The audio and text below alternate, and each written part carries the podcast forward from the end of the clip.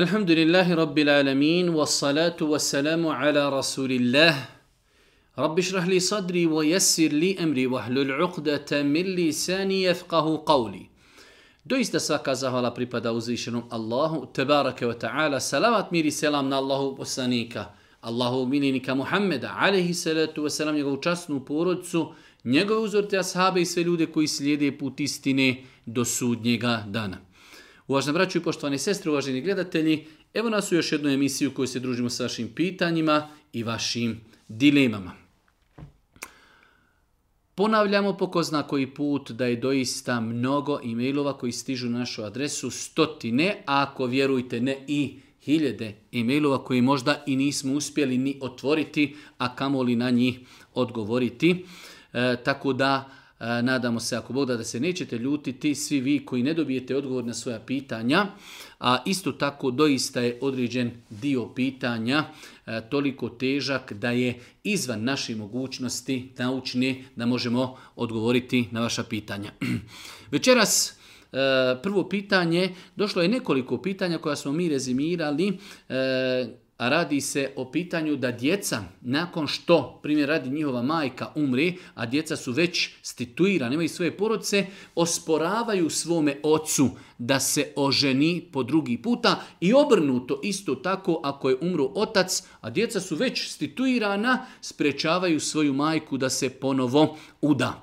E, Allah najbolje zna, znači ako ne postoji doista neki hajde da ga nazovemo težak i bitan razlog, u osnovi e, djeca se ne bi trebala miješati svojim roditeljima u takva pitanja. Čak s jedne strane e, poznato je to u našem mentalitetu da djeca su spremna i e, da prekinu konverzaciju i da prekinu kontakt i mnogo drugih težih stvari sa roditeljima koji bi prekršili ta njihova neka pravila.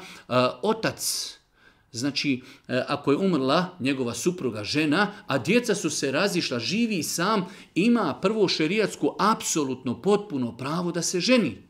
To je jedna stvar. S druge strane, djeca bi trebala, znajući da čovjek, pogotovo ako živi sam, ima potrebu i za ženom, znači u svakom pogledu, e, ili kao, kao neko e, ko će, s kime će živjeti, pa da li čovjek ima već još i intele, intimne potrebe i tako dalje, ali je doista to jedno loše ubjeđenje i uvjerenje, jedna praksa u našem narodu gdje se djeca e, žestoko protive tome da roditelj, otac konkretno, e, se oženi ponovo ili da se njihova majka e, uda ponovo nakon smrti njihovog oca, što je neispravno. Otac ima apsolutno pravo da se oženi. Otac ima apsolutno pravo da se oženi. Nekada neki čak spominju kao oženit će neku e, ženu koja je mlađa od njega. Šta je sporno u tome da čovjek koji ima neki 55 ili 60 godina oženi ženu koja ima 40 godina koja će mu spremati, izmetiti pa ako Allah tala da možda i rodi dijete. Tako da, neispravna je praksa i čuvajte se, braćo moja draga i cijeni sestre, da svojim roditeljima e, nanesete zulum. Jer nekada se roditelji sustežu od toga, iako imaju potrebu, ali ne žele da imaju problema sa svojom djecom. Zbog pritiska djeci oni to ostave. Iako imaju potrebu, to je jedan vid zuluma i nepravdi prema, prema roditeljima. Treba sa roditeljima lijepo razgovarati, da to kada radi, da to radi na ispravan šerijetski način i tako dalje, ali im osporavati, ljutiti se, odgovarati ih, to je neispravno. Drugo pitanje, e, klanje kurbana od strani sina koji se odijelio od svoga oca, ne žive više zajedno. Više puta smo govorili o tome ako ljudi kao jedna velika poroca žive zajedno u istoj kući, onda je dovoljno da zakolju samo jedan kurban bez obzira koliko ih bilo u kući. Ako bi kazali da otac živi sa 3-4 sina u kući, jedan od njih je oženjen, jedan nije oženjen i tako dalje, dovoljno je svi zajedno da zakolju jedan kurban. Ali ako se sin odijeli, ima posebnu kuću, ima svoju porodicu ili čak u slučaju da živi u drugoj državi, onda shodno mogućnostima svako od njih bi trebao da kolje zaseban kurban. Svako od njih bi trebao da kolje zaseban kurban. Znači, ako porodca živi ono što naš narod kaže u zajednici. Ako svi žive zajedno u istoj kući, onda je dovoljno zakolju jednu ovcu, jedan kurban za cijelu porodicu ako već porodice postaju odvojene, ako znači sin je odjeljen, ima svoju kuću, ima svoju platu, ima svoju djecu, da li je to u blizini roditelja, da li je to u drugoj državi, onda svako od njih treba da kolje kurban opet odnos svojoj mogućnosti. Pitanje broj tri, da li je dozvoljeno da trudnica posjeti mezarluke? E, dosta puta su nam postavljali pitanje da li je dozvoljeno da žena u periodu trudnoće posjeti mezarluke. Odnosno, bolje bi bilo pitanje da li je dozvoljeno generalno da žena posjećuje mezarluke. To što je žena trudna ili ne, ne igra nikakve uloge, već je pitanje da li žena generalno može da ide da posjećuje mezarluke ili ne. E, velik dio učenjaka smatruje da je ženama zabranjeno da posjećuju e, mezarluke. Dio učenjaka, e, i to mišljenje je e, znači e, preferirao dio savremenih učenjaka, da su dozvolili da žena povremeno, da žena povremeno posjeti mezarluke. Jedan od učenjaka koji je to mišljenje zastupao jeste i Albani, Mohamed Nasrudin Albani, da žena s vremena na vrijeme Posjeti mezarluke, e, mezar svoga oca, mezar svoga, svoje majke, svoga brata, svoga amidži i da to iskoristi vrijeme da uputi uzvišom Allahu te tala dovu za njih. Svakako prilikom posjeti mezarlicima e, žena treba da pazi kako se ponaša, da ne daj Bože da je emocije ne nadvladaju, pa da ne počne vrištati, krištati, čupati odjeću ili ne daj Bože naricati i tako dalje. Ali samo da žena ode, da lijepo uđe, prouči dovu prilikom ulaska u e, Mezaristan, da prouči dovu za svoje mrtve posebno, znači sve je to ako Bog da dozvoljeno, samo da to ne bude nešto čisto, hajde da kažemo svaki drugi, treći dan, ali da s vremena na vrijeme žena odi i da posjeti kabur ili kaburove ili mezaristan gdje su ukopani njeni roditelji, rođaci, poznanici, ako Bog da nema u tome ništa sporno. Samim tim, da li je žena trudna ili nije trudna, znači nema nikakve uloge e, i nema nikakve smetnje. Žena i koja je trudna i žena koja nije trudna može da s vremena na vrijeme ode i da posjeti mezarluke, ali rekli smo pod uvjetom da pazi na svoje ponašanje. Esselamu alaikum. Moj otac je počeo da ide u tekiju. Pokušao sam da ga odvratim od toga, ali on neće da me posluša. Šta da radim? Mnogo toga bi se moglo kazati u pogledu ovog pitanja. E, generalno gledajući, e, mjesta za ibadet u islamu su džamije. Allah poslanik je bio definitivno najbolji Allahov rob i najbolji musliman, mjesto ibadeta je imao džamiju. Nije imao nikakvu tekiju, tako s tog aspekta u islamu tekije nemaju svoje, nemaju svoju, hajde da kažemo, utemeljenost. U islamu mjesto ibadeta je džamija ili mesđid. U islamu mjesto ibadeta je džamija ili mesđid. Tu se ljudi okupljaju, klanjaju namaze, drže predavanja i tako dalje. E sada, ovaj brat naš kaže, pokušao sam da ga odgovorim od toga, ali on neće da me posluša. Ono što sin može jeste da razgovara sa svojim roditeljem, da mu pokuša pokazati, dokazati da znači e, generalno gledajući, generalno gledajući tekija u islamu jednostavno ne postoji. To što ima to, što je prisutno kod nas na našim nekim podnebljima, to je zasebna priča. Da ne govorimo o svim onim nekim radnjama koje ljudi rade u tekima koje opet nemaju utemeljenja u islamu. Tako da ono što sin može uraditi jeste lagano razgovarati i ukazivati svome ocu da ne treba da ide tu. A ako prihvati, dobro, i jest ako ne prihvati, on je uradio ono što je mogao. Broj pet.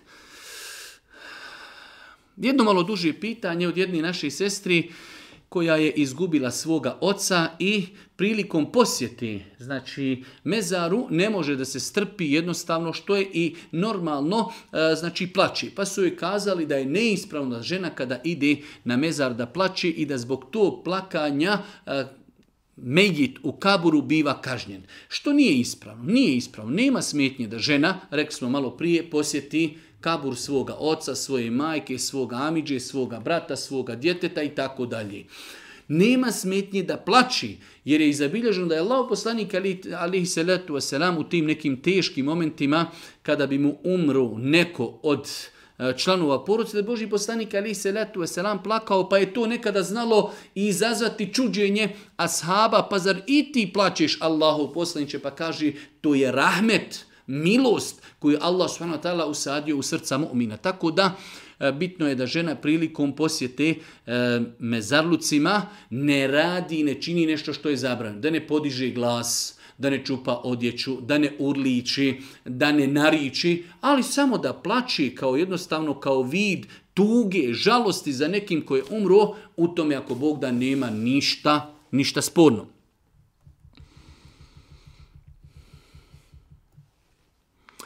Jedno malo duže pitanje od naše jedne sestre koja kaže imam 18 godina i već dvije godine razmišljam o tome da se pokrijem. E, ona je već sebi odredila neki datum, 1. august, da bi se trebala tada pokriti, ali njeni roditelji kada su to čuli i te kako su to osporili. Sada je pitanje kako u takvoj situaciji da se osoba e, ponaša. E, generalno, žena treba da zna nakon što postane punoljetna da joj nošenje hijjaba obaveza. Ali isto tako, svjestan sam šta govorim i znam e, iz praksi koliko nekada naši roditelji koji su odrasli u tom komunističkom sistemu, koliko im teško pada kada njihova čerka koja živi s njima u kući želi da počne nositi mahramu. Znači imamo ovdje gdje žena, e, ova naša sestra navodi situaciju da se roditelji toliko, toliko protive. Znam slučajeve naših sestara koji su stavile mahramu, pa su nakon toga imale toliki fizičkih tortura, nakon toga ne znaju šta će skinuti, mahramu je nezgodno, a roditelji vrše velike pritiske, pa čak i fizička kažnjavanja, istjerivanja iz kuće i tako dalje. Tako da u takvim situacijama ja lično preporučujem da se dobro analizira situacija. Ako stavimo mahramu, šta ako dođe do, ne daj Bože, eskalacije odnosa, ako znamo da je naš takav roditelj, ako znamo da roditelj nakon malo će se naljutiti, ali on će zadan za dva to privatiti, to je druga priča. Ali imamo doista roditelja koji kaže tu, ako se pokriš, izbacit ću te iz kući. Ako se pokriješ, odreću te se i tako dalje. A djevojka u periodu kada još ne može sama živjeti, još ne može sama privređivati, tako da e, situacija je znači takva da čovjek treba hladni glavi razmisliti u ovakvim okolnostima, ako doista roditelji ne dopuštaju, onda ovakva djevojka treba lagano, ali razmišljati o udaji. Znači, kada se djevojka uda, kada odi od kuće, ona ima svoju kuću, ima svoju porodicu, ona tada ima nekoga koji e, izdržava, ko jednostavno financira njen život, ko se brini o njoj, roditelji ako im je to drago što se pokrala, dobro jest, nije drago, nemoj nam više dolaziti, imam gdje živjeti, imam svoju porodcu.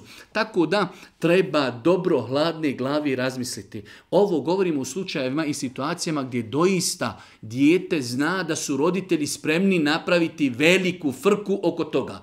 Ako će biti malo ljutnije i ako će dan, dva biti, ako će se odljutiti, to je nešto drugo. Ali doista imamo djeci koji govori, da znaju da su njihovi roditelji spremni napraviti velike afere zbog tog hijjaba. U takvoj situaciji Allah najbolje zna znači da se taj period prolongira.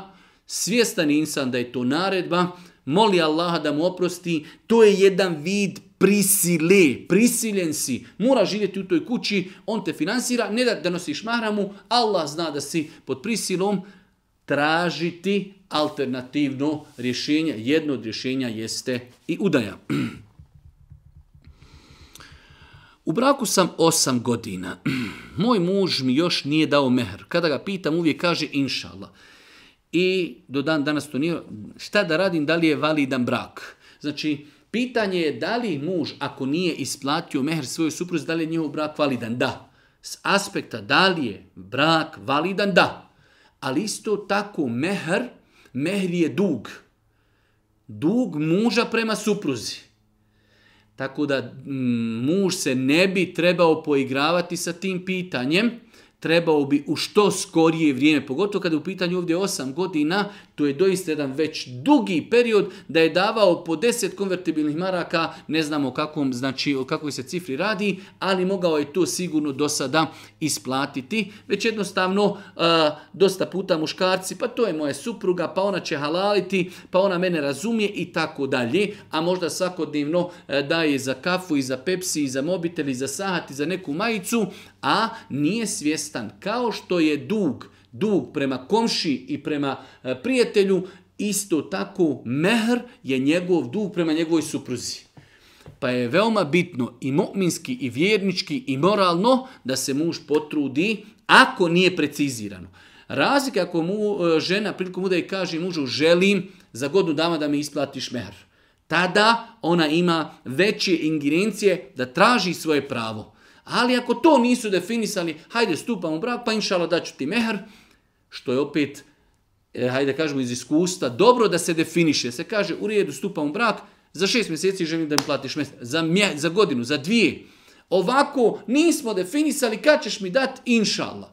E, ali bez obzira s moralne strani, min, musliman, vjernik, ne bi trebao da se poigrava sa tuđim dugovima, trebao bi da se potrudi da to što prije vrati, kako ne daj Bože ne bi potpadao pod onaj dokaz, e, hadis Božeg poslanika gdje Allah poslanik kaže e, oduživanje i odugovlačenje, vraćanje duga od osobi, osobe koja je imućna je zulum i nepravda. Matlul je zulm. Odugovlačiti vraćanje duga od strane osobi koja je imućna smatra su islamu zulum i nepravda. Pitanje E, broj 8. Da li islamski brak razveden ako muž od žene otvoreno traži izum da ima drugu ženu? To me je moj muž pitao, a ja sam odgovorila da mu, ja zato, e, da mu je zato potrebno se razvede od mene. On je rekao da to nije i tako dalje. Bila sam šokirana i ovako i onako. U svakom slučaju, jedno pitanje koje u sebi sadrži mnogo neispravnih konstatacija. U islamu je dozvoljena poligamija. U islamu je dozvoljena poligamija sa uvjetima. Jedan od uvjeta jeste da je čovjek i fizički i psihički, ali i materijalno u mogućnosti da izdržava e, više poruca. Maksimalno čovjek u isto vrijeme može imati četiri supruge.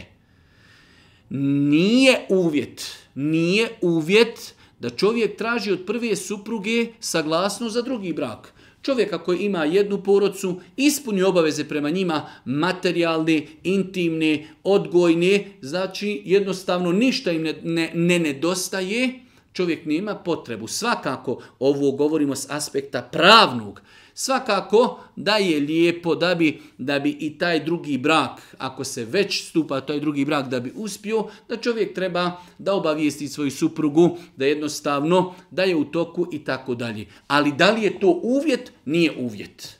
Onda ovdje postavlja se pitanje, čovjek traži od žene i e, da mu da saglasnost i ona kaže da li je on time poništio prvi brak. Nije poništen prvi brak. To što muž traži od prve žene saglasnost da se ženi po drugi put, to nema nikakve veze sa njihovim brakom, niti to poništava njihov brak. Da li će se on ženiti ili neće, ja o tome ne govorim. Mi govorimo s pravne strane fika islama. Islam je dozvolio poligamiju, četiri žene maksimalno čovjek može imati za osobu koja ima mogućnost i psihičku, i fizičku, i materijalnu, znači da može obezbijediti četiri porodice, zaseban stan, zasebnu hranu, zasebno financiranje i tako dalje. U svemu tomi da zna da će biti pravedan među svojim suprugama i tako dalje. Osoba koja želi da praktikuje poligamiju treba da iščita propise poligamije kako ne daj Bože ne bi učinio zulum i nepravdu. Traženje dozvoli od prve žene nije uvjet ispravnosti drugog braka,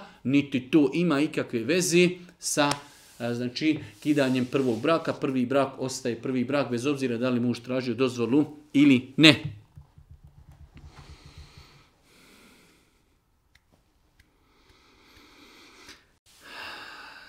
Čovjek pita kada su u pitanju e, društvene mreže, da li je dozvoljeno se čovjek putem društvenih mreža, bez objavljivanja slika, da jednostavno napiše nešto iz svog privatnog života kao e, da ljudima prenese informaciju dobio sam dijete, kupio sam auto, izgradio sam kuću, položio sam ispit i tako dalje. Da li je to ispravno? Nema smetnje. E, ja to vidim kao jedan vid onog ajeta gdje Allah Đeršanu kaže Emma bi ni'meti rabbike hadith o Allahovim blagodatima govorite. Tako da, znači, e sad, objavljivanje slika je jedna dodatna, e, što bi rekao, dimenzija i druga priča, ali čovjek da napiše na svom Facebook profilu hvala uzvišenom Allahu, Allah danas nas je počastio da smo dobili zdravo e, muško dijete kojim smo dali ime, ne znam, Ahmed jednostavno svojim prijateljima prenosi takvu informaciju gdje će oni nakon toga upućivati dove, saznati za to, e, e, čestitati, e, doći možda na veselje i tako dalje. Tako da ne vidim ništa loše u tome da čovjek kaže hvala Allahu Đelšanu, Allah me počastio, danas sam kupio auto ili završio sam danas posljednji ispit na fakultetu ili nešto slično tome. Znači jednostavno kao vid E, govora o Allahovim nijametima i blagodatima, s druge strane kao vid želje da se i drugi ljudi uključi u njegovu radost, tako da, inšala bizna, ne vidim u tome ništa sporno. Moja majka je prije par dana testamentom prepisala zemlju koju posjeduje na tri moja brata, a ja i moje dvije sestre nismo čak ni obaviješteni o tome i tako dalje. Pitanje je li to ispravno ili nije. Nedavno smo govorili da roditelji u toku života mogu u svojoj djeci podijeliti zemlju, ali ili imetak, ali da ga za života djeca preuzmu. Ali je neispravno praviti testament, oporuku za života i da mi određujemo koga ćemo stavljati u testament ili ne. Allah poslani kaže u vjerodostojnom hadisu La wasiyata lil warith. Ne može se pisati oporuka nekome koji je šerijetski određen kao šerijetski nasljednik. Mi možemo vasijet, primjer radi ako čovjek ima troje djece, ima suprugu i tako dalje, a ima tamo nekog prijatelja, poznanika, volio bi da nakon smrti nešto od njegove e, imovine i njemu pokloni. Onda on napiše u vasijetu, nakon moje smrti, ako čovjek primjer radi ima stotinu hiljada maraka, kaže pet hiljada maraka da date tom invalidu, toj ženi, toj samohranoj majci koja ne potpada pod kategoriju njegovih šerijatskih nasljednika. To može u granici jedne trećine. Znači čovjek za života može u testament da napiše nekom je mimo šerijatskih njegovih nasljednika u granici trećini. Neispravno je La wasijete lil waris. Allahu kaže, ne može se testament, jer testament je nešto što će se izvršiti nakon smrti čovjekovi. Neispravno je pisati testament za svoju djecu. Ako već nešto želimo rati, onda to treba da se podijeli djeci za njihova života i da oni postanu vlasnici toga. Da oni postanu vlasnici toga za života svojih roditelja. Da to oni već preuzmu. Ali ako roditelji umru, a još se to nije preuzelo, onda, brate, se dijeli onako kako je tu uzvišeni Allah te bar objavio iznad sedam nebesa. Tako da, e, pisanje testamenta, kako će se naša imovina dijeliti nakon smrti je neispravno. Mi kad umrijemo, Allah je odredio kako će se naša imovina dijeliti. Ako želimo nešto, to trebamo podijeliti za života dok smo živi.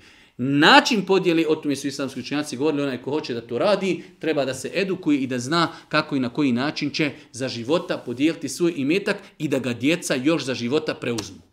Znači, rezime je neispravno je pisati testament koji će se implementirati nakon smrti, a mi u tom testamentu ostavljamo znači oporuku kako će se dijeliti naš imetak našoj djeci. To je neispravno. Mi možemo u testamentu samo napisati da se dadne nešto nekome ko ne potpada po čerijatske nasljednike i u granici trećini. Radim kao vodoinstalatir i keramičar i većina, e, većina, većinom radim kupatila. Da li mogu zikriti kad radim? Je li zabranjeno kupatilu kad radim zikriti? Allah ne bi li zna, ako čovjek radi početka, novo je tek kupatilo, kuća nova i on radi, još se tu nije obavljala fiziološka potreba i čovjek jednostavno radi i nadam se inšala da u tome nema ništa sporno. Ali ako bi čovjek došao već u kupatilo koje se koristi i treba da renovira nešto, mislim da e, je bolje da u takvom periodu i u takvom momentu ne zikri. Ipak je to mjesto gdje se obavlja fiziološka potreba i tu ne bi trebalo veličati i spominjati uzvišenog Allah. Može se to nadokneti izvan kupatila da se stavi e, da li mobitel, da li neki e, kasetofon, radio ili nešto drugo. Pustiti učenje Kur'ana, pustiti učenje Ilahija ili e, pustiti neko predavanje, a mi unutar kupatila možemo to slušati.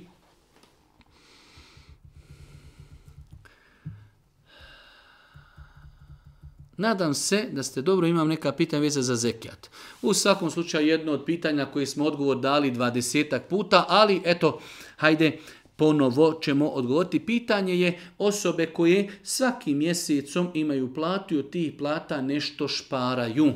Pa taj novac kojeg su šparali nekad potroši da li za auto, da li za ovo, da li za ono, da li na takve pare davati zekijat ili ne velik broj ljudi postavlja to pitanje, pa smo odlučili da ponovo, evo, s vremena na vrijeme, svaka dva, tri mjeseca odgovorimo ponovo na takva pitanja, e, da bi nekome bio zekijat obavezan treba da ispuni dva osnovna uvjeta. Prva stvar, da njegov novac dostigne nisab.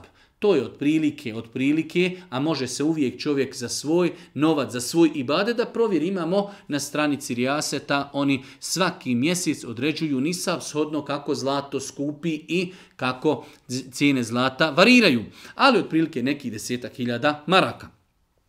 Ako insan dostigne taj nisab i taj novac ostane takav godinu dana, Nikako nije padao. Ako bi nakon šest mjeseci taj naš nisav recimo da je 10.000 pao na pet, kupili smo sebi nešto za 5.000, prestaje zekijat odmah. Kada prvi put dostignemo ponovo 10.000, to je taj naš novi datum kad počinje pregodinjavanje i od tada opet ako godinu dana nikada naš novac nije padao ispod granice Nisaba, kada zaokružimo godinu dana mi na taj novac dajemo 2,5%. Ili taj svotu koju imamo podijelimo sa broj 40. Znači dva su osnovna uvjeta da bi morali i potpadali pod kategoriju zekijata da smo dostigli nisab i da taj nisab takav traje godinu dana. Može rasti, ali ako padne ispod granice nisaba, samim tim to pregodinjavanje, taj drugi uvjet je prekršen. I odmah nismo obavezni davati zekijat, Čekamo naredni put, ako se desi da smo opet ušli u zonu Nisaba, zapamtimo termin i dan kada smo ušli i čekamo godinu dana. Ako prođe godina dana, naš, zek, naš imetak ostao iznad Nisaba, dajemo zekat, ako ne, nismo obavezni. Nadam se da smo, ako Bog da razumijem. Naredno pitanje, 13. pitanje. Nosim drugo dijete, hvala Allahu, i sviđa mi se i ime Sahra. Ne Sara, niti Sarah. Sahra. Pa sada, da li je to islamsko ime i da li nije islamsko ime? Generalno gledajući, mi dosta puta nadjevamo svojoj djeci imena. U našem jeziku naša imena nemaju značenje, ali eto ljudi pokušavaju to vezivati za E, arapski, za turski, za perzijski, pa i čak neke ove evropske jezike, da li ima neko značenje ili ne. Generalno ime Sahra. Da li je ono lijepo za izgovor u bosanskom i da li je opće prihvaćeno? U arapskom jeziku ono ima svoje značenje, ali ko zna kada sutra mi nekoga zovnemo to dijete, mu kažemo sahra, da li neko zna šta to znači? Tako da ne treba se mnogo opterećavati značenjem imena. E, generalno, riječ sahra, ako bi bila sa slovom h, sahra, znači kao pećina ili neki veliki kamen. Ili ako je sa slovom h, sahra, onda je to pustinja.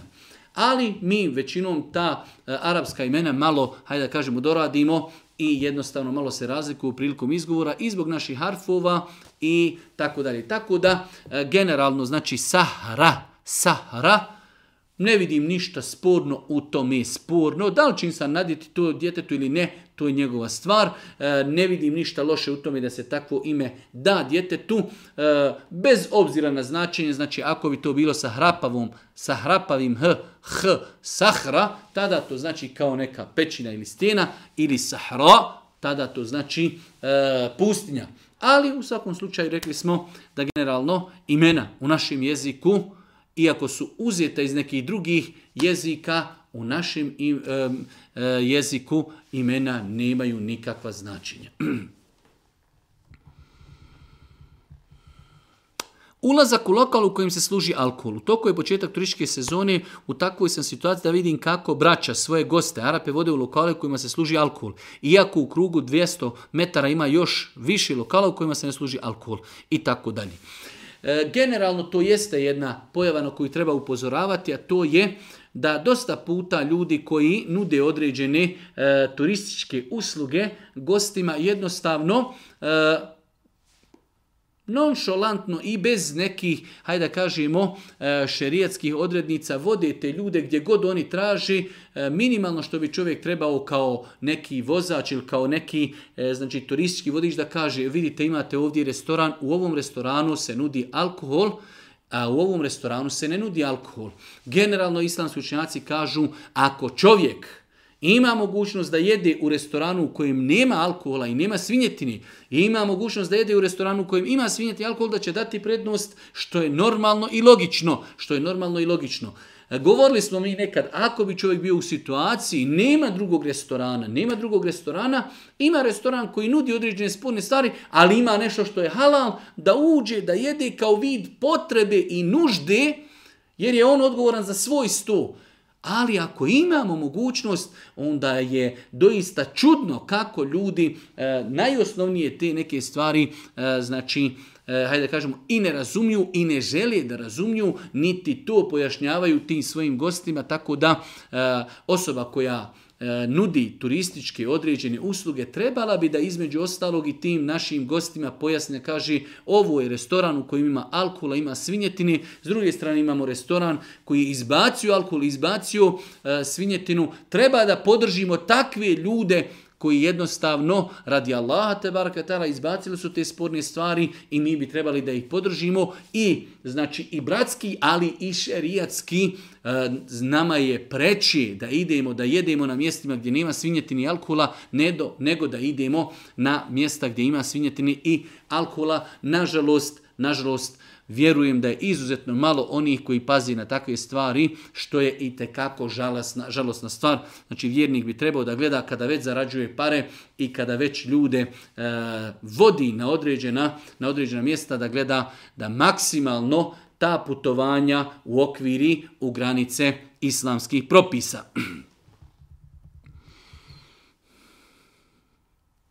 Imam pitanje, pošto idem na posao u jedan sat kad nastupa podni namaz. Da li mogu klanjati u pola jedan podni namaz i tako dalje. I da li na poslu mogu potirati po mahrami, jer mi je teško skidati mahramu prilikom abdesta. E, da li se može klanjati podne prije ili ne? U nekim danima i u nekim situacijama može. Znači, treba da konsultujemo vaktiju i da konsultujemo aplikacije koje govori o namaskim vremenima. E, nerijetko se dešava kako u Bosni, tako i u drugim europskim zemljama. Ljudi klanjaju podni namaz u jedan, fiksno a podne nekada nastupa u pola jedan. Pa ako se radi o takvom vremenskom periodu, da je vrijeme već nastupilo, ali eto ljudi jednostavno iz tih nekih, hajde da kažemo, razloga, njima poznati, oni kažu klanjat ćemo uvijek u, dva, u, jedan sat, onda nema smetnje dok nastupi namasko vrijeme, primjer radi u pola jedan, ne mora znaš da svaki put nastupa pa nekad nastupa 15 do 1, nekad 20 do 1, ali rekli smo vraćamo se na aplikacije, vraćamo se na takvim, vraćamo se na vaktiju. Ako vidimo da podne nastupa prije, a ezan će se tek učiti u, jedan, onda nema smetje da mi klanjamo prije, znači učenja ezana i da ako Bog da idemo na posao. Ali ako doista podni nastupa u jedan i tada uči ezan, onda je neispravno da, da klanjamo namaz prije nastupanja namaskog vremena po konsenzusu islamskih učenjaka. Znači nije ispravno klanjati namaz prije nastupanja namaskog vremena po konsenzusu islamskih učenjaka. Konkretno kada je u pitanju podni namaz, znamo da je praksa kako u Bosni, tako u mnogim drugim državama, jednostavno da se ne bi svaki dan pomjeralo podni, oni fiksiraju i kažu učimo ezan u jedan, a nikada podni već nastupa u pola jedan. Pa ćemo pratiti aplikacije, pratiti, eh, pratiti takvim, pratiti eh, eh, vaktiju, i ako vidimo da podni nastupa u pola jedan ili 20 do jedan, dok nastupi namaz, mi možemo klanjati i ako Bog da krenuti na posao. Pronašao sam mačku malu, svega bila stara dva dana i da sam je digao na noge prošle par mjeseci, mogli tu mačku prodati ili nekom im pokloniti. Čovjek je našao mačku, bila je u teškoj situaciji, on je nahranio, odranio par e, hefti, ona je sada E, preživjela jaka, sada je pitanje da li tu mačku može prodati ili nekom poklonuti. E, e, generalno u islamu je zabranjeno prodavati mačke. U islamu je zabranjeno prodavati mačke, tako da insan ili će tu mačku ostaviti sebi, ili će je pokloniti nekome, dati na poklon, ili će je ostaviti tamo na mjesto gdje ona ima hrane, vode, znači da može sama, može sama preživljavati. Ali ono što je zabranjeno jeste da čovjek proda. Ono što je zabranjeno jeste zabrana prodaje.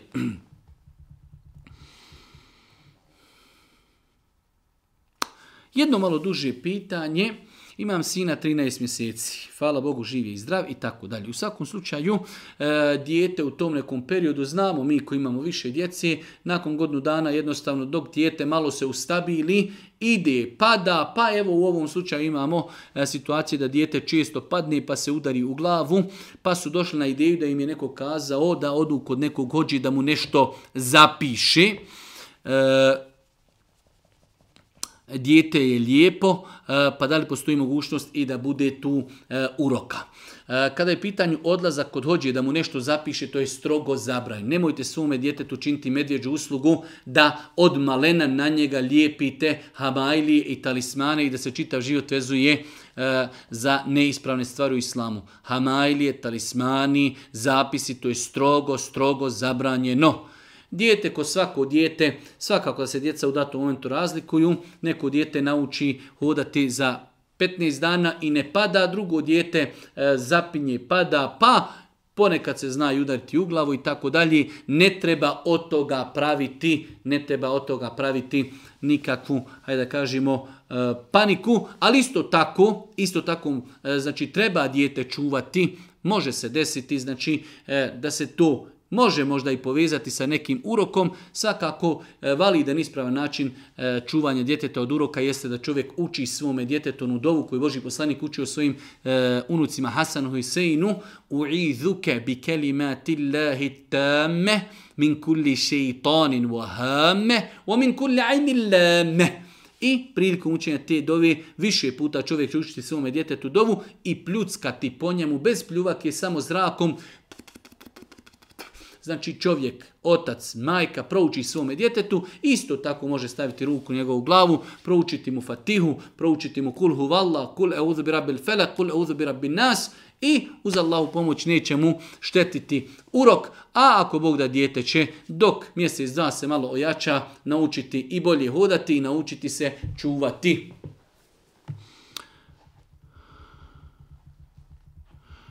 Zanima me u, zašto u Kur'anu piše o subotu se ogriješite, ne ogriješite.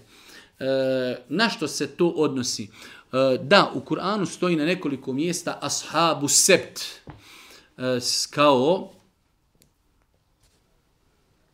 narod subote. narod koji se ogriješio o subotu. O čemu se radi? E, Allah Đeršanu u suri El-A'raf govori o jednom narodu koji je živio pored mora.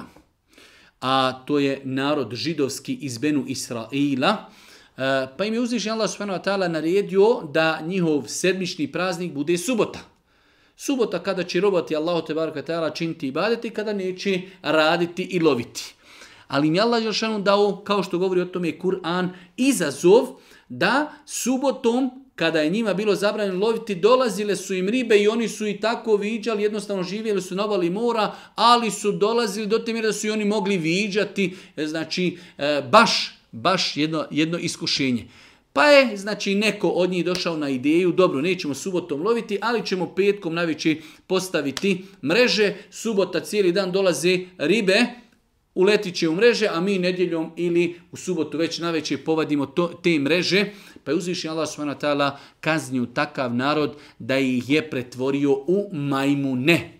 Allah Žešanu takav narod kaznio da ih je pretvorio u majmune i to se e, pod tim pojmom kad se kaže ashabu sebt, e, oni koji su se ogriješili od subotu, e, znači narod iz Benu Israila, e, od židova, koji su se oglušili o Allahovim naredbama i zabranama gdje im je bilo naređeno da subotu svetkuju, da im to bude sedmični praznik, a bilo im je subotom zabranjeno da love, a Allah je iskušao da im subotom baš više dolaze ribe, pa su oni, znači, mm, na indirektan način prekršili Allahove granice. I ovo je jedan veliki ders svima nama šta znači poigravati se sa Allahovim granicama poigravati se sa Allahovim granicama, Znači pa su oni e, dan prije bacali mreže, a dan poslije su vadili te mreže koje su bile pune riba, jer su ribe posebno dolazile kao da ih malo provociraju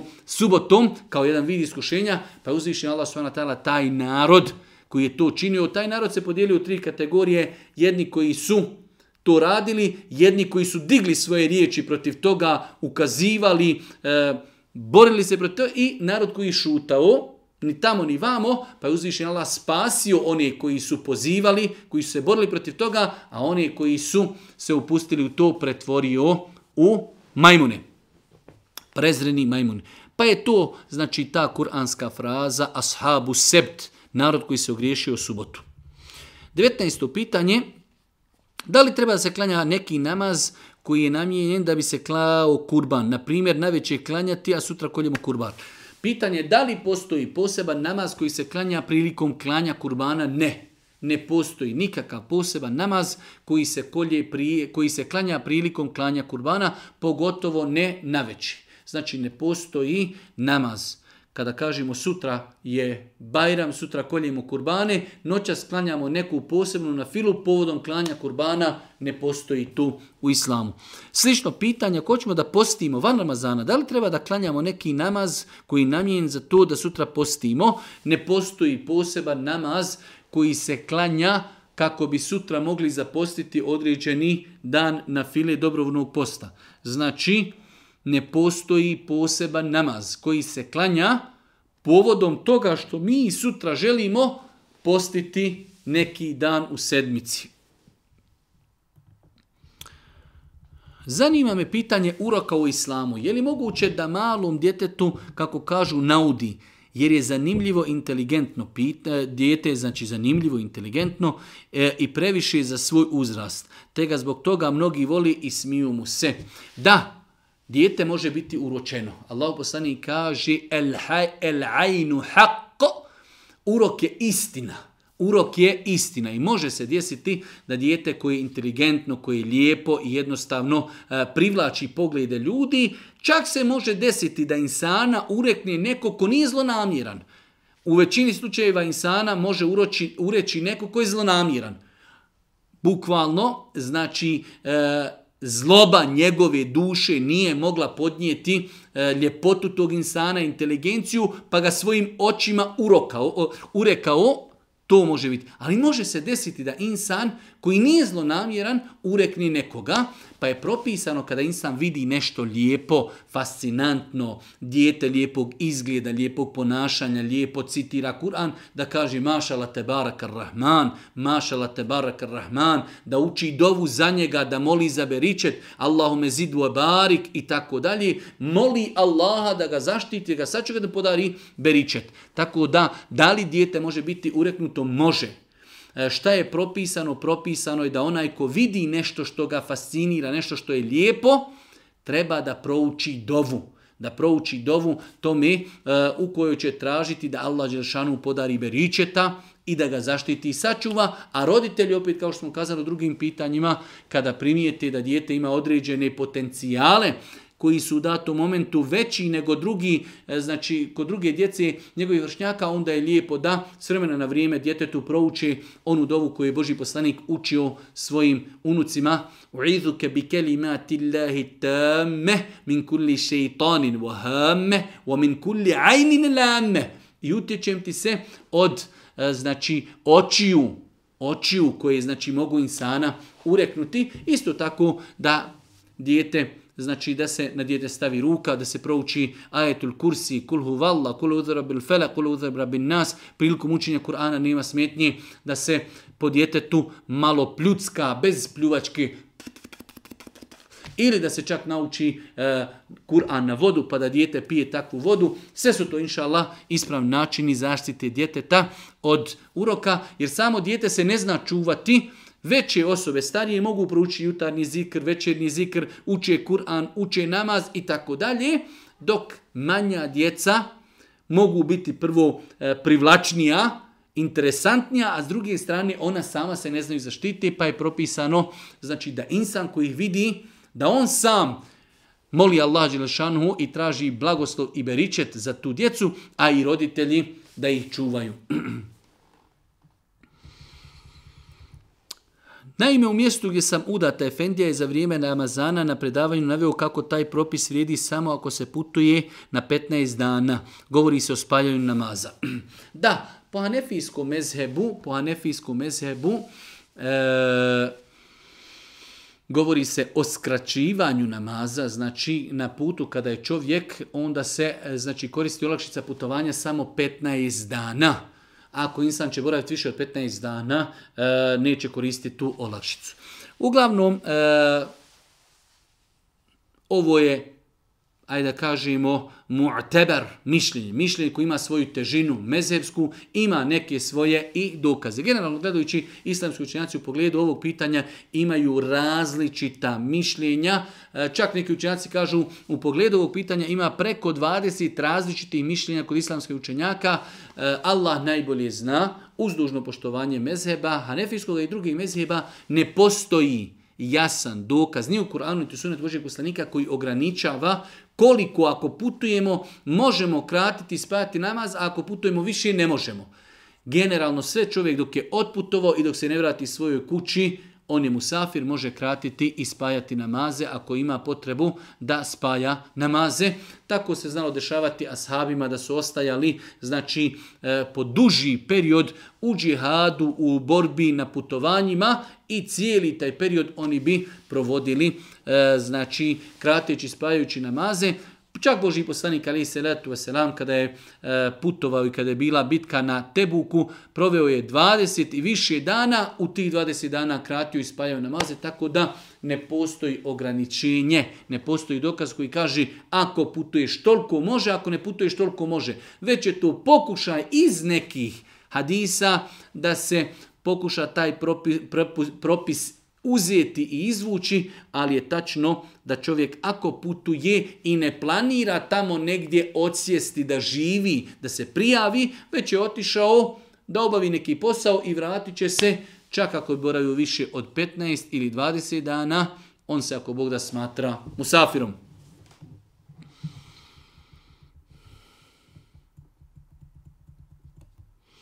Jedno pitanje trebalo bi doista malo više vremena na njega da se odgovori, ali pitanje je... Jedna naša sestra se pokrila, ali ima osjećaj da je požurila sa donošenjem te odluke i sada jednostavno nije spremna da se nosi sa izazovima te svoje odluke, živi u neko od evropskih zemalja i na kraju kaže mnogo mi to sve utiče na moju psihu. Izgubila sam samopouzdanje, ne želim izlaziti iz kuće, izbjegavam rodbinu jer ne želim uvijek da se pravdam i tako dalje i i i tako dalje. U svakom slučaju e, ovo jeste e, da kažemo pitanje gdje trebamo razmisliti dobro prije što radimo određenu stvar. Donošenje odluke se nosi mahrama jeste, ženi je obavez da nosi mahramu i treba da požuri. Ali isto tako, pogledajte u kakvu situaciju žena može doći da neko nabrza, hajde pokri se, hajde jedno predavanje, pokri se žena i sutra onda e, kopka se jesam li nisam radi Allaha, radi žena, nisam spremna, stidim se i tako dalje.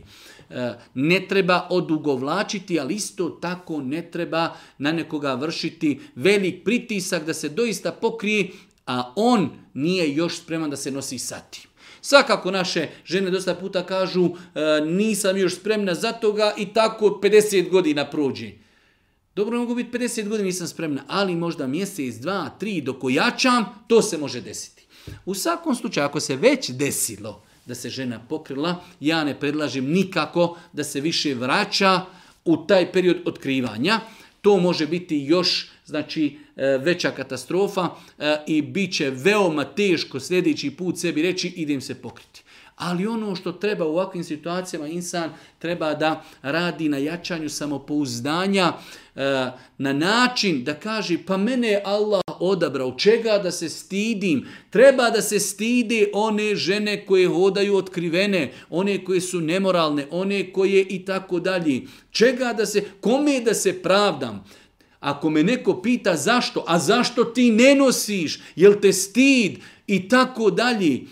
Mi, mi koji, kad kaže mi, naše sestre koji nose mahramu, ne trebaju dozvoliti da dođu u fazu da se nekome pravdaju. Treba da prebace loptu na drugi dio igrališta. Čuj, pitate me zašto sam se pokrila. Zašto se vi niste pokrili? Zar nismo u Mejtefu kod Efendije učili da žena kada postane punoljetna mora da nosi hijab? Ja sam ispunila ono što traži od mene moj gospodar. Hvala Allahu pa me je probrao, pa me odabrao. Hvala Allahu kada, kada me je počastio da svojim svoju krunu.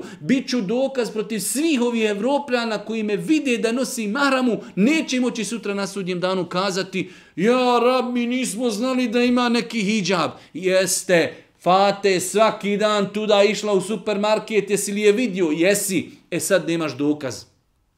Pa će naše sestre pod hijabom biti dokaz na sudnjem danu protiv onih koji kažu nismo znali za hijab.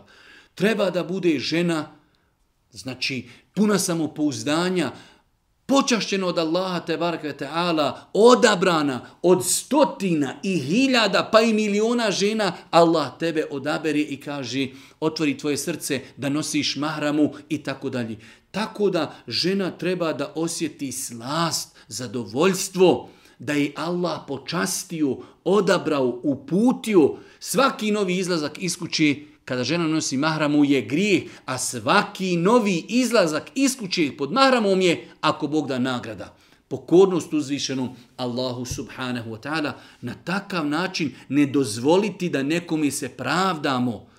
Radim to, uradila sam to jer to od mene traži moj gospodar. Moj gospodar je sveznajući, on zna što mi je to naredio. Nije mi naredio nešto što ne mogu. Mogu i korist je u tome i meni i mojoj porodci i mome društvu.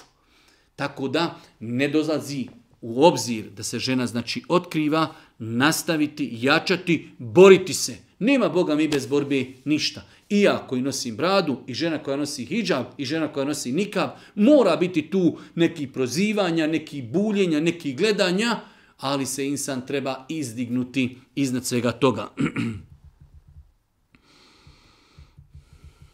Da li se smije postiti petkom? Dobrovoljni post. Generalno gledajući, postoji hadisi u kojima Allah poslanik ali se letu selam zabranjuje da se petak posti sam, zasebno. Ili da se posti sa njim dan prije ili dan poslije. Ali sam petak da se ne posti. Kada je u pitanju općana fila. Znači kada je u pitanju dobrovoljni post.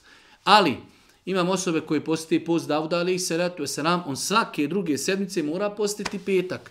U takvim situacijama nije pokuđeno. Ili ako se desi da je post e, petkom arefat ili dan ašure i tako dalje, tada nije pokuđeno zato što postoji razlog. Isto tako kazali su islamsko učenjaci da nema smetnje da žena koja napašta mjesec Ramazan posti petkom, pa makar to bio sam dan petak. Ono što je znači zabranjeno, to zabranjeno da se posti petak općom na filom, da se ne posti prije njega četvrtak ili Petak. Možete nam jesti kako se to nekog voli u ime Allaha. Voliti nekoga u ime Allaha znači voliti ga radi njegovog imana, radi njegove vjeri, radi njegovog ibadeta, radi njegovog ahlaka, radi njegove skromnosti, radi njegovog e, e, truda i rada koje gradi za islam, odnosno drugim riječima da ga ne volimo radi dunjalučkih interesa. To je lakše pojasniti. Ako čovjeka voliš, jednostavno očekuješ od njega pomoć ili da se zauzme za tebe, ti dadne pare u dug ili da ti sutra negdje bude od neke koristi, to je nešto drugo. Ali imaš osobu, voliš je, nikada ti nikakvu korist nije pribavila i ne očekuješ od nje da ti pribavi korist, ali je voliš. U srcu ti je. Nosi mahramu, uvijek vedra, nasmijana, pomaži, uči Kur'an, e, lijepoga hlaka, ibadeta, nikada ne gibeti, nikada ne potvara, pokorna Allahu, voliš je zbog toga. E to je ljubav radi uzvišenog Allaha, odnosno zbog toga što ta osoba poštuje Allahove subhanahu wa ta'ala granice i propise. Pitanje, čitajući prijed Kurana, naišla sam na ajet 62. u suri Al-Bekara, gdje Allah Žešanu kaže one koji su vjerovali, pa i one koji su bili jevreji, kršćani i sabejci. One koji su i Allaha i ovaj svijet vjerovali i dobra djela činili, doista čeka nagrada gospodara njihova. Ničega se oni neće bojati, ni za čim oni tugovati neće. Da li to onda znači da će u džennet ući kršćani, jevreji i tako dalje? Ovo je poznati ajet u suri El-Bekara 62. ajet kojeg, e, nažalost, e, nerijetko e, možemo čuti da ljudi citiraju na pogrešnom mjestu. Ono što znamo jeste da u islamu postoji jedno veliko pravilo. Allah Žešanu u suri Alu Imran spominje da u Kur'anu imaju jasni ajeti i takva je većina Kur'ana, ali imaju isto tako ajeti mutešabihat, ajeti koji su nejasni. Pa je pravilo kada u Kur'anu naiđemo na neki ajet koji je nejasan, dvosmislen, vraćamo ga na temeljna značenja i temeljne principe Islama. Mi imamo jasne ajete gdje Allah Đeršanu kaže nevjernici su oni koji kažu da je Allah jedan od troje. Znači oni koji kažu da je trojstvo, oni su nevjernici. Nevjernici su oni i tako dalje. Pa je uzvišeni Allah subhanahu hadise Allahog poslanika ali se letu selam jasno potvrđuju da osoba koja je čula za Muhammeda ali se letu nije povjerala u njega, u njegovu poslanicu, da je to nevjernik. Može on za sebe tvrti, ja vjerujem ovo, ja vjerujem onu. Svi ljudi nakon dolaska Muhammeda ali se letu selam i nakon onoga njegovoj, dostavljanja njegove poslanice imaju samo jednu opciju, a to je da vjeruju u islam, ona islam koji je došao propagiran kroz Kur'an. Sve mimo toga smatra se nevjerstvom. E, to su veliki principi zasnovani na jasnim kuransko-hadijskim ajetima. Nakon toga dolazi nam ovakav ajet koji, hajde kažemo, e, može se shvatiti na više načina, pa kažu islamski učenjaci, prvi od odgovora na ovaj ajet, kao što je kazao Ibnu Abbas, jeste da je ovaj ajet derogiran. Da, ovaj ajet indirektno ukazuje i da će i židovi i kršćani ući i sebejci u džennet. Ali kaže Ibn Abbas, ovaj ajet je derogiran. Imamo u Kur'anu nešto što se zove derogiranje. Imamo propis, nakon toga dođe i propis, pa ga derogira. Inne dina inda Allahi el Islam, kod Allaha jedina prihvaćena vjera je Islam. E, drugi učenjaci su kazali da se ovakvi ajeti odnosi na kršćane, židove i sebejice koji su bili prije Muhammed A.S. pa o njima Kur'an govori. Oni su bili, vjerovali u svoje poslanike i na tome umrli, pa će oni ući u džennet zato što su se pokorili svojim poslanicima prije dolaska Muhammed A.S. I treće mišljenje jeste da su to oni židovi i kršćani i sebejci koji su vjerovali u svoga poslanika, u međuvremenu se pojavio Mohamed A.S. pa povjerovali i u njega. Tako da su to tri odgovora na ovaj ajeti suri El Beqara koji je u datom momentu može se iz njega shvatiti da će i židovi i kršćani ući u džennet, ali rekli smo, prvo imamo veliko e, islamsko pravilo, a to je da E, dvosmislene ajete ili nejasne ajete vraćamo na temeljne principe islama. Temeljni principi islama su jasno definisani kuransko-hadijski ajeti da ne muslimani, nevjernici koji nisu vjerovali Muhammed Se salatu Selam idu u džehennem. To je jedna stvar. Druga stvar, ovi ajeti se mogu razumjeti kao što je tumačio ibn Abbas da su derogirani. Bili su takvi i taj propis je dokinut, Jedni e, drugi učenjaci kažu da se to odnosi na kršćane i židove koji su živjeli za vrijeme svojih poslanika, vjerovali u njih i na tome umrli za vrijeme svojih poslanika, pa o njima Kur'an govori, e oni koji su među njima vjerovali u svoje poslanike, svakako da će ako Bog da uči u džennet. I treća kategorija ili treći razmišljanje jeste da se to misli na kršćane i židove i sebejice koji su vjerovali u svoje poslanike, pa je došao Muhammed ali se selam, pa su povjerovali u njega, pa će ako Bog da zbog toga ući u džennet.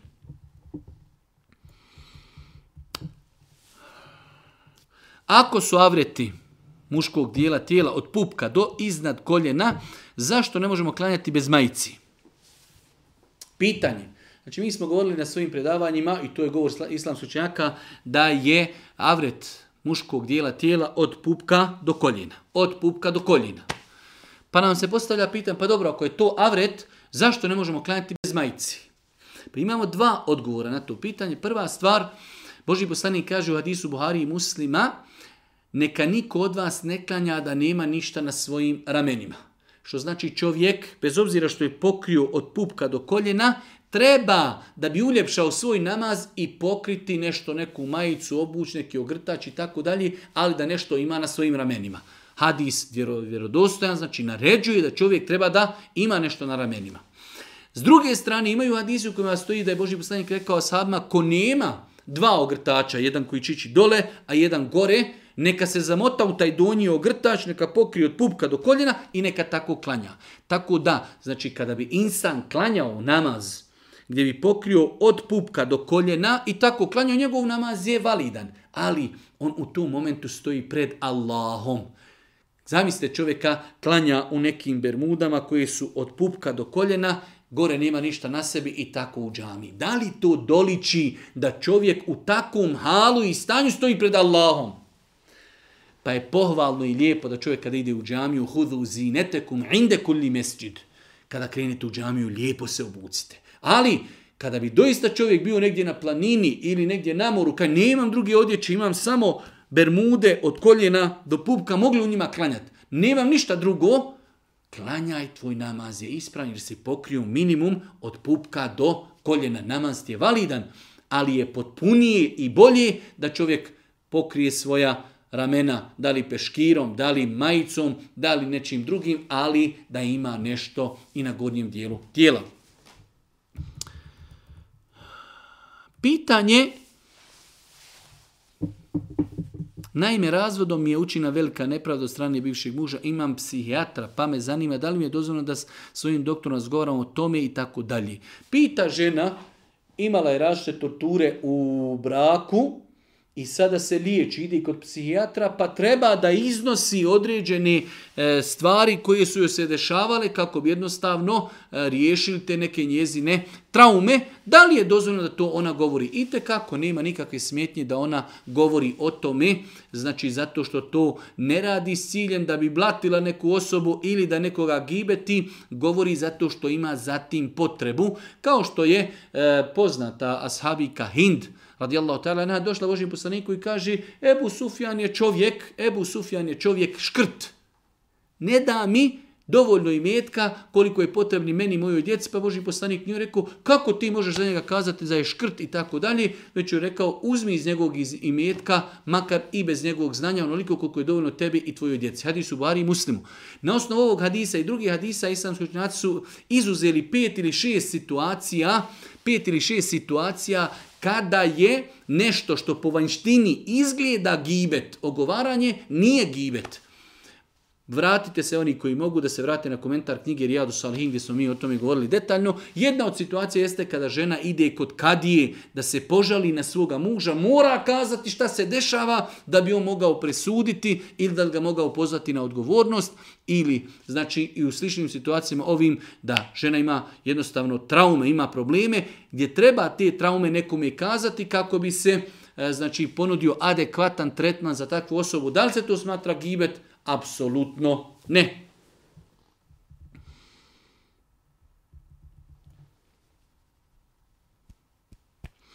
Ukoliko je neka osoba imala džinsko šetansko uznemiravanje, iako se nakon toga izliječi, da li mogu ostajati posljedice? U svakom slučaju, E, nekada se ljudi boje, ako sam jednom, i tako to kod nas ima neko pravilo, ako sam jednom bio bolestan od džina i šetana, nikada više ne mogu biti zdrav, što nije tačno. Može se desiti da čovjek ima određene e, komplikacije, napade džina i šetana koji traju periodično, nakon toga čovjek e, ako je imao unutarnji određene napade, istjera džine iz sebe, nakon toga Eh, drži se jutarnjeg zikra, večernjeg zikra, pridržaje se namaza, čuva se harama i nakon toga više nikada ne bude imao problema sa određenim tim napadima. Tako da ne treba gubiti nadu, ne treba se eh, čovjek razočarati i tako dalje, čak šta više truditi se. Znači čovjek kao što imaju druge bolesti, bio bolestan pa se izliječio i eh, crna magija, džinsko šetansko djelovanje, urok, može čovjek imati problema sa tim potruditi se, liječiti se, izliječiti se i da ako Bog da nakon toga više nema nikakvih problema. Svakako ostaje da čovjek treba da se pazi, čuva, organizuje, zaštiti se dovama i tako dalje.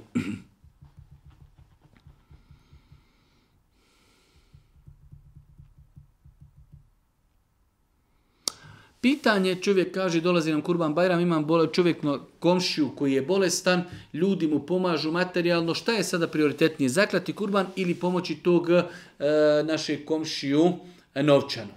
U svakom slučaju, islamski učenjaci su postavili jedno veliko pravilo, a to je da je klanje kurbana generalno vrijednije od sadaki u protuvrijednosti kurbana. Ako bi rekli da je kurban, ne znam, 300 maraka manje ili više, da li je nama bolje da taj novac dadnemo nekome koji je sirotin da zakoljemo kurban? Bolje je zaklati kurban. Zašto?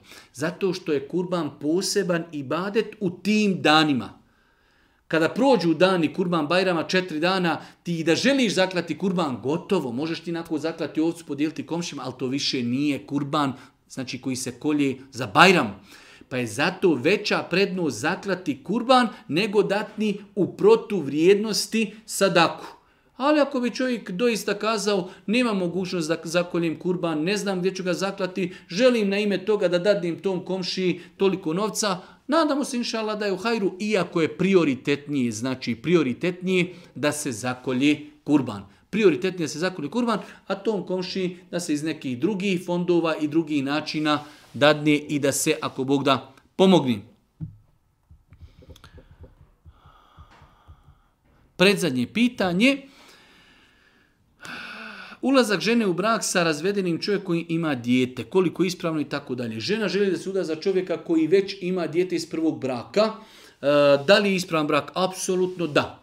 Znači čovjek imao prvi brak, ima dijete iz prvog braka. Da li se neka druga žena može za njega udati? Apsolutno. Čak i da je ona imala djecu iz prvog braka, mogu da stupe u brak. S tim što, e, znači, e, taj čovjek kada ima intimni kontakt sa tom suprugom, e, sa novom svojom ženom, ona postaje zabranjena tom njegovom djetetu trajno, znači i to njegovo dijete e, postaje njoj mahrem. Postaje njoj mahrem, tako da nema smetnje s aspekta islama. E sada, Hoće se žena udati za nekog koji ima djete iz prvog braka ili neće?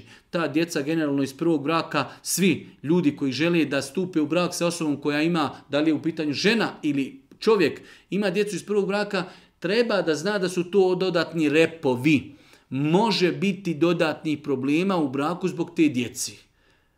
Svakako treba neko da se udaje za takve ljude i treba neko da oženi žene koje imaju djecu iz prvog braka, ali treba dodatno i precizno precizirati naše ophođenje i obaveze prema toj djeci, jer jednostavno e, mnogo problema nastaje u braku zato što e, roditelji na brzinu stupe u brak, imaju djecu iz prvog braka i onda dolazi do problema, a razlog problema jesu ta djeca iz prvog braka. I zadnje pitanje, kao mali sam jednom opsovao Allaha i jako se kajem zbog toga. Među vremenom sam počeo klanjati, nikad to više nisam radio i tako dalje. U svakom slučaju mi smo kazali da je psovanje uzvišnog Allaha jedan od najvećih grijeha koje čovjek može počiniti. Izvodi počinioca e, tog dijela insana iz vjere po konsenzusu sam učenjaka, ali ako je to insan uradio u djetinstvu, nakon toga se pokajao, nakon toga redovno klanja i posti, molim Allah Đelšanu da mu kabuli njegovu teubu, njegovo pokajanje. Samo to činjenica da još nikada više se nije vratio, to mi ukazuje da je iskren, da se pokajao. Molim Allah da mu kabuli teubu i da se ako Bog da nikada više ne vrati takvom dijelu. A poruka svima onima, znači, e, prvo musliman mora da pazi na svoj jezik, ne smije dozvoliti da psuje i vrijeđa Allaha, ali ako se to nekome i desilo, obavezno što prije požuriti, pokajati se, odlučiti čvrsto da čovjek to više nikada neće uraditi. Allah što molim da nas učite na putu istini, molim ga subhanahu ta'ala da nam bude milosti na sudnjem danu i na kraju subhanake Allahumma da bihamdike, ešhedu in la ila in stakfiruke, u etubu ilaik. Ah.